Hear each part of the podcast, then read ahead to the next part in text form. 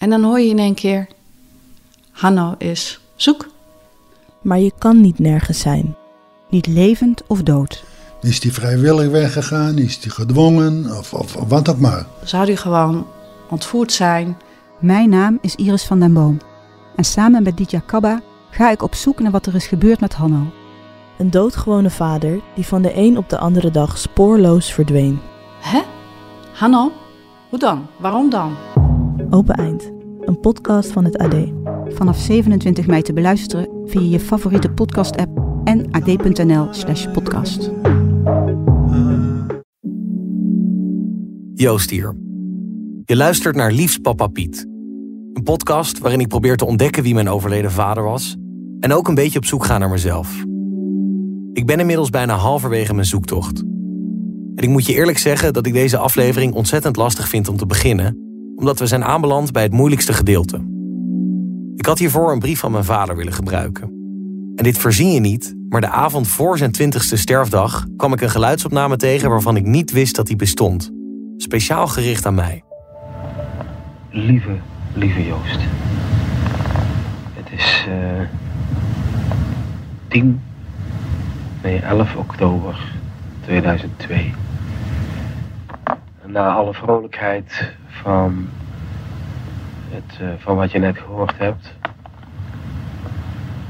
moet ik je nou iets heel afschuwelijks vertellen. En het is dus, als je dit hoort, dan weet je het waarschijnlijk allemaal al. Of ja, dat, weet je zeker al. maar eh, je moeder en ik hebben op eh 30 september te horen gekregen dat ik eh, weer opnieuw ziek ben geworden. En eh, nou ja, dat, dat genezing niet meer mogelijk is. En ja, dat ik dus waarschijnlijk niet zo verschrikkelijk lang meer zal leven. En dat is eh afschuwelijk nieuws. Ik wilde dit net in gaan spreken. Het is nou s'avonds, vrijdagavond. En ik ben alleen thuis. Je moeder is even eh, naar, een, naar een feest. Eh, want je moet plassen en als jij slaapt. Heb je nou net laten plassen? Met je pyjamaatje en je blote voetjes. En als ik dat doe, dan eh, denk ik aan hoe jij dat allemaal vergeten zult zijn. Misschien al vergeten bent als je dit hoort. En, eh,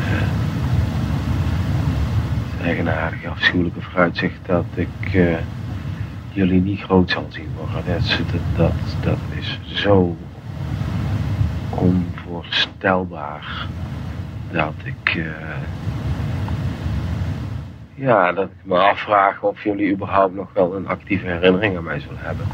En, en ja, het, eh, dat vind ik heel erg. Het zal, het zal een vorm van ijdelheid zijn om dat te willen. Want ik wil niet vergeten worden. Dat, eh, ja, door niemand, maar vooral niet door jullie. Door, door Koen en jou. Eh, jullie zijn.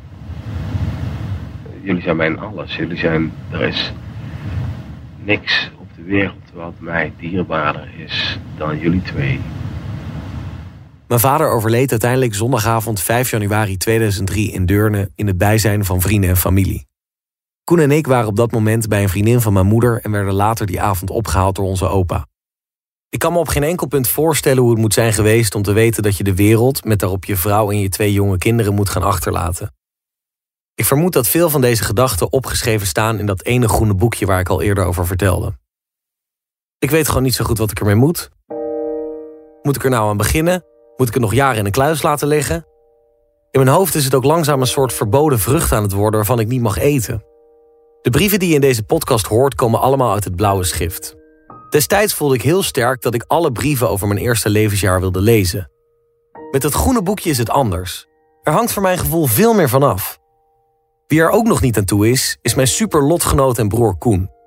In de vorige aflevering hoorde je al deel 1. Maar na 20 jaar hadden we echt een hele hoop te bespreken. En we waren gebleven bij het antwoord op deze vraag. Heb je wel echt gerouwd voor je gevoel? Weet ik niet. Nee, ja. Ik zou, ik zou het eigenlijk niet zo goed kunnen zeggen. Ik denk wel als je zoiets traumatisch meemaakt als het overlijden van een van je ouders, of misschien je beide ouders, of eh, whatever. Het heeft me wel zo veranderd dat ik misschien wat meer afgestomd ben in emoties toelaten of zo. En dat is wel denk ik een effect ook van het. Ik geef trouwens helemaal geen antwoord op jouw vraag, bedenk ik nu Dat is oké. Ik luister. dat het wat minder binnenkomt of zo. Ik denk dat het een soort van natuurlijk. Hoe ervaar jij dat dan? Heb jij dat niet? Of ben jij wel. Ik vind jou ook niet een super emotioneel. Ja, je bent wel een emotioneel. Nee, ik merk dat ik heel goed eh eh, begrafenis en zo, daar moet ik bijna nooit huilen. Nee, nou ja, precies, de inderdaad. begrafenis van oma, daar moet ik dan niet eh, per se huilen. En eigenlijk op, ja, dat klinkt heel gek, maar op geen enkele. Nou ja, ik merk wel dat ik, het- dat ik het op het moment dat zoiets gebeurt, sluit ik mezelf daarvoor af of zo. En ervaar ik niet dat verdriet echt door heel mijn lijf, weet je wel. Ik denk dat dat, dat misschien wel een effect is eh, geweest van zo jong al te maken hebben met De dood. de dood. Is dat je gewoon in, op latere leeftijd misschien jezelf wat meer kan afsluiten voor een soort van heftige gebeurtenis of zo. Ik merk wel, dat, dat vind ik eigenlijk wel grappig, dat als ik ehm, dronken ben en ik zit met vrienden aan tafel, op een of andere manier komt hij dan ter sprake. Ja, En, dan, en dan merk en dan? ik dat ik daar dan heel emotioneel Oh, ook ja. van word. En, maar dat is ook dan.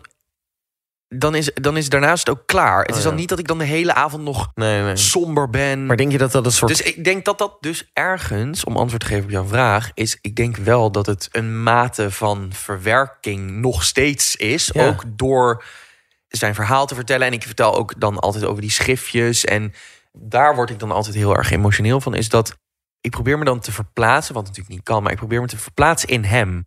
Dan denk ik bij mezelf, Jezus Christus, weet je, je bent 48. Je hebt net twee kinderen op de wereld gezet. En je weet gewoon dat je die nooit Nee. zult zien opgroeien. En ik, ik zit nu in één keer te denken. eh, Had jij ook in jouw doos dat hij een cassette recorder en een bandje had? Mm, Nee, volgens mij zat hij bij jou erin. Ja, maar dat je dus... Oké, dan moet je dus denken... Oké, die hij toen ze die, die box gingen maken... die tijdscapsule gingen Ja. maken... hij moet dan dus ook hebben gedacht van... oh ja, wacht even, over twintig jaar... Ja. cassettes. Hmm, ik weet niet of dat het dan nog gaat zijn. Dus heeft hij ook een cassette recorder erbij gedaan. Zodat je... Dus ik, ik, ik denk bij mezelf van... hij heeft Mhm. zo, zo een soort van nagedacht over... hoe kan ik ervoor zorgen dat ik levend blijf in de eh, levens van die, van die jongens. Ja. En die tijdscapsule is niet gemaakt met Het idee, het idee van, oh, ik ga dood. Maar het is wel zo dat hij dat misschien ergens in zijn achterhoofd Ja. wel heeft geweten of zo. Of misschien heeft gevoeld. Of ik weet dus niet hoe dat. Gelukkig weet ik niet hoe dat is. Nee, en dat is dus het mooie. Dat staat allemaal in dat groene boekje. Op een gegeven moment. ehm, je maakt me nu wel. Je maakt me dus. Dat is wel grappig. Want doordat jij dus dit nu doet. mhm. Doordat wij het hier nu over hebben, merk ik dat, dat mijn eigen nieuwsgierigheid toch ook wel Oh ja. aanwakkert. Ja. Als Dus ik dan, dank je wel daarvoor. dank je wel daarvoor. Dan zit ik ook Ja. met tranen dan. Nee, als ik, als ik, eh, ik heb één schrift gelezen. Dat is dat schrift dat bovenop mijn, eh, mijn koffer lag. Mijn tijdscapsule. Dat eindigt op een gegeven moment met... hey, ik moet morgen weer naar Nijmegen en ik maak me zorgen. Uiteindelijk eindigt het dan... Nou, Oh, ja. ziek. En Ja. daarin zegt hij, ik schakel over naar een ander schrift. En dat andere schrift is dat groene boekje. En daarin lees je, denk ik... krijg je een beetje antwoord Ja. op die vraag... hoe het is om te leven met de wetenschap... dat je je kinderen niet groot ziet worden. Hoe, vond jij, hoe vind jij dat Ja, om te ik lezen? ben dus toch niet, nog niet op dat punt om dat boekje te openen. Maar het is toch, het is eigenlijk best. Nou ja, dat je ook zou zeggen van ja, het is toch niet zo, zo heel moeilijk om gewoon dat, boek, dat boekje Ja. te openen. Maar, Maar weet zit zo'n emotionele waarde aan dat boekje. Als ik dat heb gelezen, dan is er niks meer. Ja, Dan ga ik niks meer nieuws ontdekken.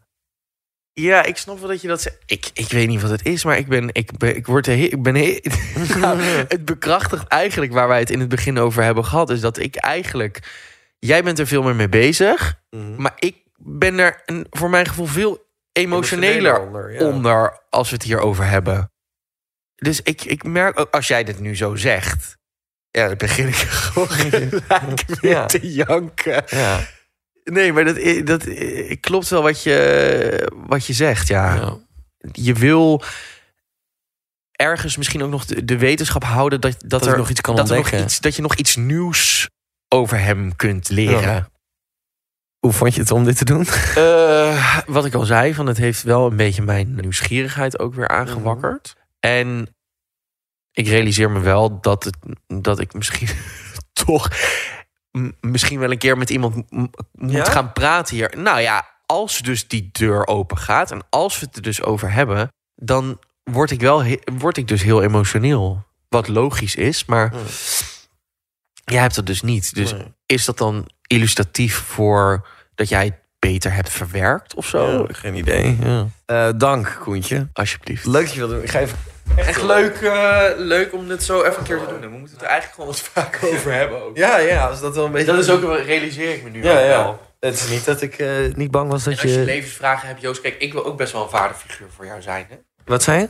Dat ik ook best wel een vaderfiguur voor jou wil zijn, als je dat heel graag wil. Nou, als ik mijn vader als dan... jij levensvragen hebt, hè? Ja, dan, eh, dan, dan bel ik de Astro TV wel. Nog één ding. Eh kwam, kwam nu in één Mhm. keer me op. Dat is de laatste vraag die ik ga stellen. Omdat je natuurlijk geen voorbeeld hebt van, een, Nee. van jouw eigen vader. Ja. Hoe denk jij dat jij gaat zijn als vader voor jouw kinderen? Ja, ik, ik hoop een hele lieve vader. En ik kopieer Ja, dat dat dan. ik. Nee, nee, maar ik kopieer dat dan een beetje van, van de dagen dat ik het wel heb gezien met Hans, mijn ex-schoonvader, die inmiddels dus ook is overleden. Oh, maar ja. ik vond Hans echt zo'n lieve vader, zo betrokken bij die kinderen. Ja, Die deed Zo- echt alles. Het was zo'n gezinsmens. Ik denk dat ik echt een onwijs gezinsmens ben. En Ja, dat denk ik ook wel, ja. ik zou het zo leuk vinden om met ze te voetballen en te spelen en herinneringen met ze te maken. Zeg maar, ik hoop me, dat me dat wel zo gegeven is. Omdat ik, als ik dat dan teruglees in hoe papa dat zo graag had gewild, zal ik alleen maar zitten op het maken van herinneringen. Denk ik, hoop ik, wil ik heel graag. Ja. En wat ik ook dus heel erg sterk merk, is dat ik, ik zou zo graag wel eh, mijn kinderen Dat gunnen dat willen- ze gewoon vader en moeder Ja. wel bij elkaar zijn. Zeg maar. ja. Jij? Ik denk dat ik gewoon inderdaad ook een hele lieve Ja. vader zou zijn. En ik zou, ik zou eh, mijn kinderen graag gewoon willen meegeven dat eh, er bijvoorbeeld meer is in het leven dan bijvoorbeeld eh, geld verdienen en zo. Ja, weet je. ja. Het, is, het leven draait ook om de geneugten des levens. Dus ook mooie muziek, kunst, cultuur. Dat is denk ik de essentie van het leven. En dat, dat zou ik dus als, als vader heel erg aan mijn kinderen proberen over te brengen. Dat dat nou ja, kan je gewoon heel erg ontroeren. En ik denk dat dat, dat, dat heel erg mooi is. Eh Iets grappigs horen? en nou? Het is een brief eh, van papa, geschreven op eh, zaterdag 22 februari 1997. Dit is een brief aan mij gericht. Ik ben hier nog niet geboren, want ik werd pas later dat jaar geboren. Ik wens je in je leven heel veel vrienden. Ik wens je vrienden, want die duurt langer dan liefde en die duurt al een hele tijd. Wat ook lang duurt, is kunst. Dat gun ik je ook. Ik hoop dat je oog hebt voor mooie dingen. Kunst, literatuur, film, schilderkunst, wat dan ook. Ik hoop voor je dat het een gegeven is dat je kunt genieten van mooie dingen. Dat maakt het leven nu zoveel meer de moeite waard. In het verlengde daarvan gun ik je grote nieuwsgierigheid. Dit vind ik ook weer, dit vind ik nou... Ik, ik word er gewoon weer emotioneel Nou van. is het klaar. Nou is het klaar. Nee, maar eh, ehm, dat, dit vind ik heel grappig. Ik wist dit echt niet. Dus dit is ook weer... eh, eh, je, ja, nee, je, we zijn wel kinderen van, van ons vader, ja. Ja. Dankjewel, broertje. Jij bedankt. Ik ga je nog En succes met je zoektocht. Na twintig jaar hebben we dan eindelijk eens urenlang over onze vader gepraat. Eigenlijk zo gek dat het nooit eerder is gebeurd. Koen mag er dan wel minder mee bezig zijn dan ik. Toch hebben we allebei dat groene boekje nog nooit opengeslagen. En daarin konden we elkaar goed begrijpen. Wel vroeg ik me na ons gesprek af hoe het nou kan dat ik veel minder emotioneel ben dan hij. Is dat omdat ik er meer mee bezig ben? Heb ik de dood van papa misschien al meer of beter verwerkt? Of heb ik gewoon een andere manier gevonden om te rouwen? Op zoek naar de antwoorden op deze vragen kwamen we al snel uit bij de rouwexpert van Nederland, Riet Villelaars Jaspers. De vrouw die ik 17 jaar geleden vol trots mijn kinderkamer nog heb laten zien.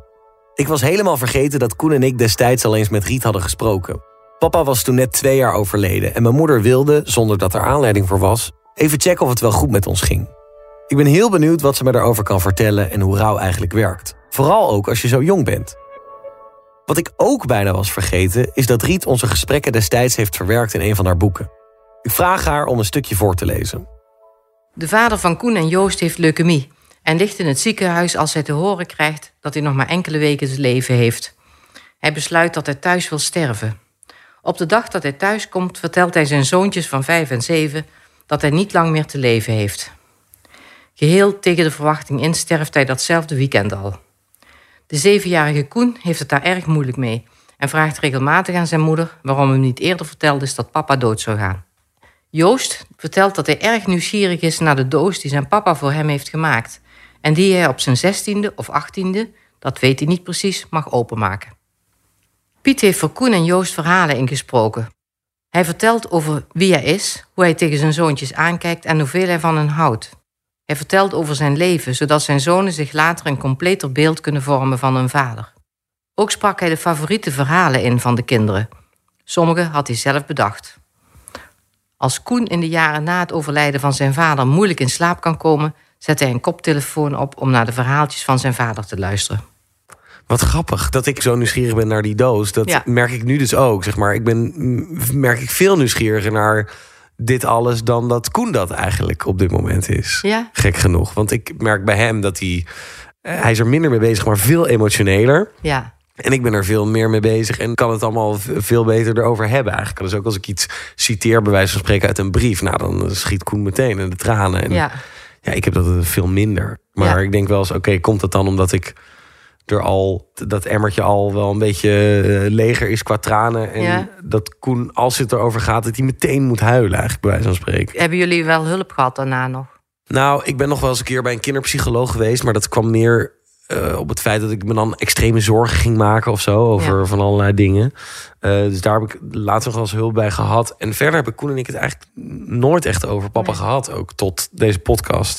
Het is wel bijzonder dat Koen een paar jaar geleden, als ongeveer de eerste opdracht toen hij journalistiek ging studeren, kreeg Ja. ik een mail van hem. Ja, Eh, hij moest een interview houden en eh, hij vroeg: Mag ik jou interviewen over rouw? ja. Dat deed hij wel. Dus dat zit er dan toch ook wel weer Ja. ergens in, ja. Dat ik dat dan toch wel wil doen. Maar dat is nog geen antwoord op je vraag. Nee, van- nee. het kan ook zijn dat jij het meer buiten je houdt, hè?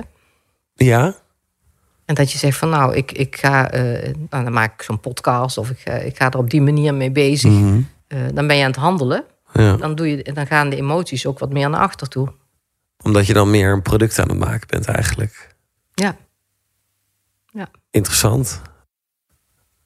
Ehm, ik zie die hele rouwperiode eigenlijk heel licht. ja. Het is een wolk, maar die is helemaal niet donker. Zeg maar. Het is eigenlijk gewoon een hele lichte wolk op een of andere manier. Zo. Hoe komt dat, denk je? Ja, omdat ik dus denk dat ik in die twintig jaar dat hij nu dood is... eigenlijk dat stukje bij beetje gewoon supergoed heb kunnen verwerken eigenlijk. Mhm. We zijn altijd mega goed opgevangen, om het Ja. zo maar te zeggen. Dus Mensen bleven om, om jullie heen Ja, staan. ja, dat voelde ik echt. familienetwerk. ja, ja, zo Maar voelt dat het kan alle verschil maken. Ja, Dat kan echt alle verschil Ja. maken.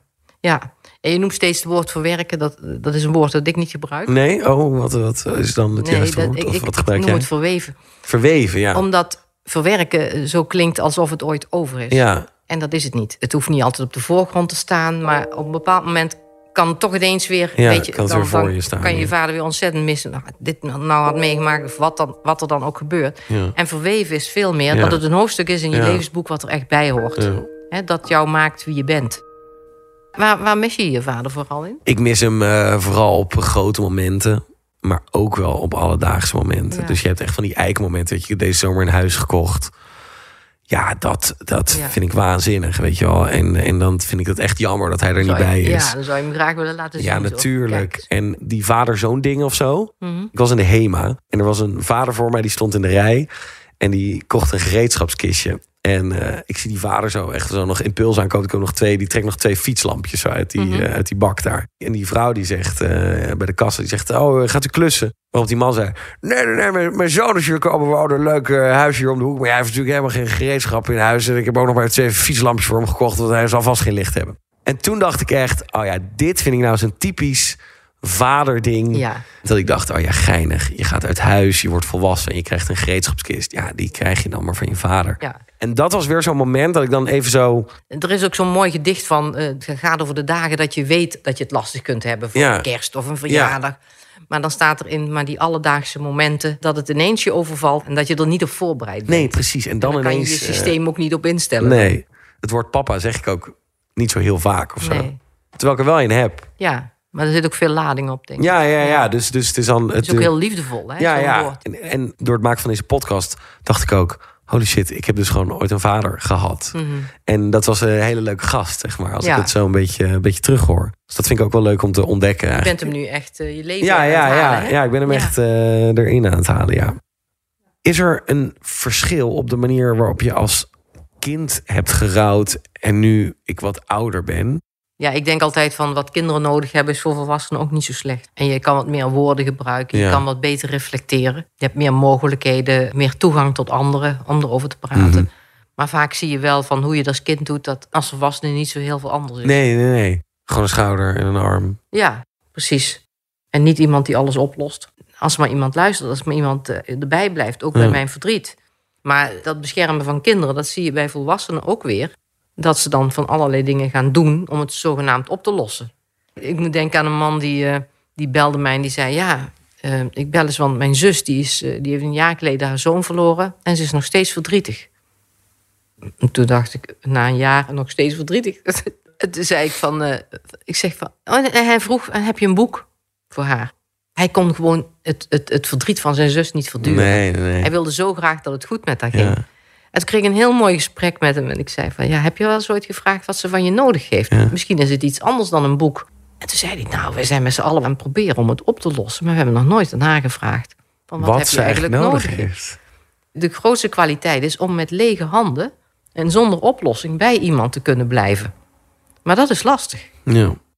We hadden het al heel even gehad over hè, dat verschil met Koen. Dat als ik het met hem over heb, dat hij dan veel emotioneler is. En dat mijn tranen misschien wat leger zijn of wat meer zijn opgedroogd. Zou dat kunnen of, of stop ik het allemaal weg? Heb ik gewoon een manier gevonden... Of vind je dat lastig Ja, om te zeggen? ja, heb ik, heb ik een manier ja, gevonden Ik denk om dat jij met woorden een manier gevonden hebt om het wat weg te houden. Ja, Maar dat is een hele snelle diagnose. Maar er is niks mis mee. nee. En En er is ook niks mis mee als je snel geëmotioneerd bent. Zoals Nee.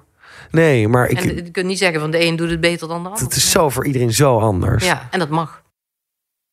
ik maak dan nu die, die podcast eh, en eh, ben ik heel erg op zoek. Is dat iets ook wat je vaker ziet bij mensen die je begeleidt? Ja, ik, ik zie dat in, in een stukje van betekenisgeving. En dat doen mensen op hele verschillende manieren. Sommigen schrijven een boek over, jij maakt een podcast. Ja, want dat is een beetje zo die vraag van waarom... Ik denk wel de hele tijd, waarom maak ik dit nou eigenlijk? En waarom ben ik ook zo nieuwsgierig? Want je zou kunnen denken, ja, ik heb toch mijn moeder, weet je wel. Dat ik, dit is toch ook Ja, maar ja, je moeder is niet je vader. Dus je, bent- Nee. wat ik straks zei, je bent je vader aan het binnenhengelen. het mythische figuur bijna. Ja, waar je wel over hoorde, maar dat je zegt van nou, nou wil ik het zelf weten. Ja. Je hoorde erover en nu pak je het veel meer zelf vast Ja. met twee handen. En is dat dus omdat we zin willen geven aan dat overlijden eigenlijk? Ja, je kunt er geen zin aan geven, maar wel de betekenis. Wat, wat Ja. betekent het voor mijn leven? Ja. Ja, En hoe werkt het door in mijn leven ja nu? dat stuk. Nou ja, dat was wel eh, bij het maken van deze podcast ook op een gegeven moment. Ik maak het dan met Laura. En zij zei op een gegeven moment, ze zei, joh, dan zat ik te luisteren. En dan dacht ik, jezus, wat, wat lul je er allemaal makkelijk over, weet je wel. Waar zit nou echt het voelen en waar zit een beetje Ja. het schuren en het pijnpunt? Dat vond ik wel heel interessant. Want dan dacht ik, heb ik nou voor mezelf een soort manier gevonden om er dan heel makkelijk over te praten. Eh, en, en zijn het soort van afgebakende verhalen die ik dan keer op keer eigenlijk herhaal.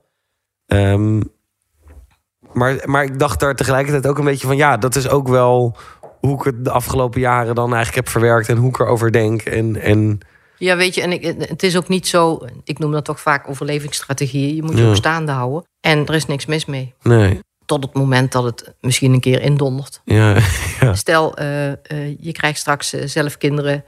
En dan loopt een jongetje van, eerst een babytje en dan een jongetje van vijf. En Ja. dat je denkt, chips.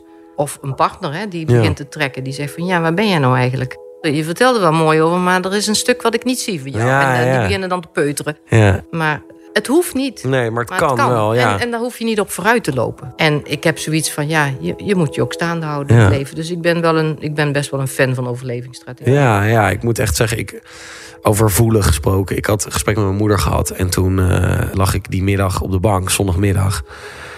Alsof ik de hele middag had gehuild. Ja. Zo voelde het. Ik had niet het idee op dat moment dat ik dacht... oh ja, nu eh Ja, dus toch meer binnengekomen dan, dan, dan je in de gaten had. Absoluut, ja. Ja. Ehm, is rouw een keer klaar? Kan het klaar zijn? Nee. Maar in de zin van, ik denk dat je, dat je een zo'n verlies meeneemt tot in je graf. Ja. Maar dat is geen slechte boodschap dat rouw niet klaar is. En het helpt als je ermee bezig bent, zoals je nu met je podcast bezig bent, dan, dan doe je daar weer een heel stuk in. Ja. Maar het is niet weg. Nee, en de emotie wordt ook wat zachter. Weet je. Ja. Ook als ik het met mijn moeder over heb, dan eh, vertelt zij een verhaal. Dat zij dan op zaterdagmiddag ons wegbracht. En eh, dat ze dan s'avonds naar het ziekenhuis ging met Mhm. papa. En dan hadden ze lekkere dingen. En dan gingen ze kopspijkers kijken. En dan bleef ze daar slapen. En dan haalden ze ons ochtends Mhm. op. Als ik dat gesprek voor had bedacht, dacht ik... oh, dan zou ik wel helemaal moeten huilen bij het moment dat, dat, dat hij doodgaat. Terwijl dat was helemaal niet dat moment. Ik moest gewoon huilen bij, omdat ik dat zo'n liefdevol, Ja, schattig moment vond. En dat dan ineens die tranen daar wel ja, zijn gek genoeg. Dat kun je niet regisseren. Nee. Hè? Dat, komt zo, dat kan zo onverwacht komen. Ja. Ja. Misschien gek, maar heb je nog een advies of zo... wat je mee zou willen geven voor mij voor later? Ik zou het gewoon op me af laten komen wat ik, wat ik net zei. Van, het wordt pas een punt op het moment dat je zelf er last van krijgt of Ja. een ander. Dus tot die tijd leef je leven zoals je dat graag doet. Ja. Die lieve Riet. Ik vond het zo leuk om haar eindelijk weer eens een keer te zien.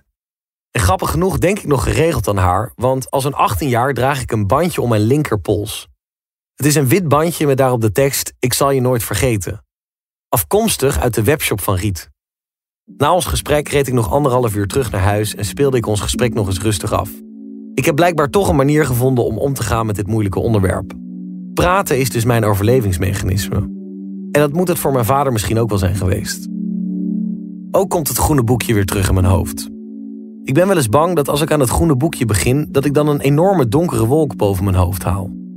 Toch ben ik ook weer zo ontzettend benieuwd naar wat erin staat, wat hij daarin aan ons schrijft en hoe die laatste vier jaar van zijn leven moeten zijn geweest. Wat ik echt leuk vind om te merken is dat mijn vader steeds meer tot leven begint te komen. En door al die verhalen die ik heb gehoord, heb ik het idee dat ik mezelf soms ook beter snap. Het begint meer en meer tot me door te dringen dat ook ik een vader heb gehad. Dat heb ik eigenlijk nog nooit echt zo gevoeld. Ik heb een vraag aan je. Wat is jouw eerste herinnering? Denk daar maar eens rustig over na.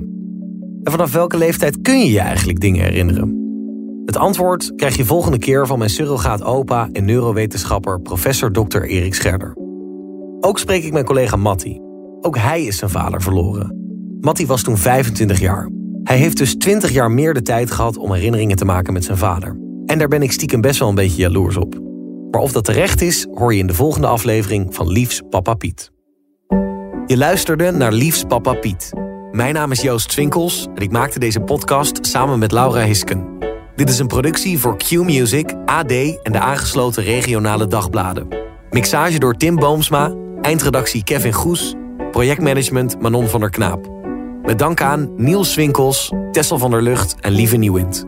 Wil je meer podcast luisteren? Ga dan naar ad.nl slash podcast.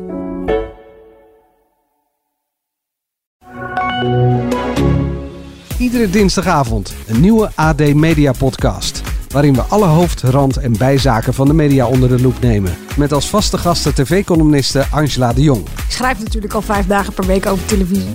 Maar we maken ook nog een podcast. Mediajournalist Dennis Jansen houdt van een potje voetbal. En nee, Ja, is een uitstekende promo. ja hè? Ik vind het altijd bij VI zo leuk dat die promos dan mislukken en dat ze die dan gebruiken. Vlak radio ook niet uit, want mediajournalist Mark den Blanke heeft een voorliefde voor radio. Ja, radio is echt. En, eh, en eh, bijna altijd live.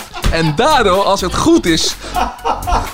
Dit was echt heel erg echt, Mark. Ja. Hey, maar dit is hem niet. Volgende keer nemen we hem op, toch niet, die promo? Nee, helemaal niet. We moeten gewoon even iets maken nu. Want Ja, ja, monteer eh, wat, joh. Heb je genoeg? Flans wat in elkaar, joh. En mijn naam is Manuel Venderbos en iedere dinsdagavond is er een nieuwe AD Media Podcast. Nou, dat is in één keer goed volgens mij, of niet? Knap hè? Ja, joh. Ja. Luisteren dus. Jij vertelt trouwens niks over jouzelf. Oh, moet ik dat ook doen? Manuel Venderbos, de mediahoer van Hilversum. Iedere dinsdagavond de AD Media Podcast.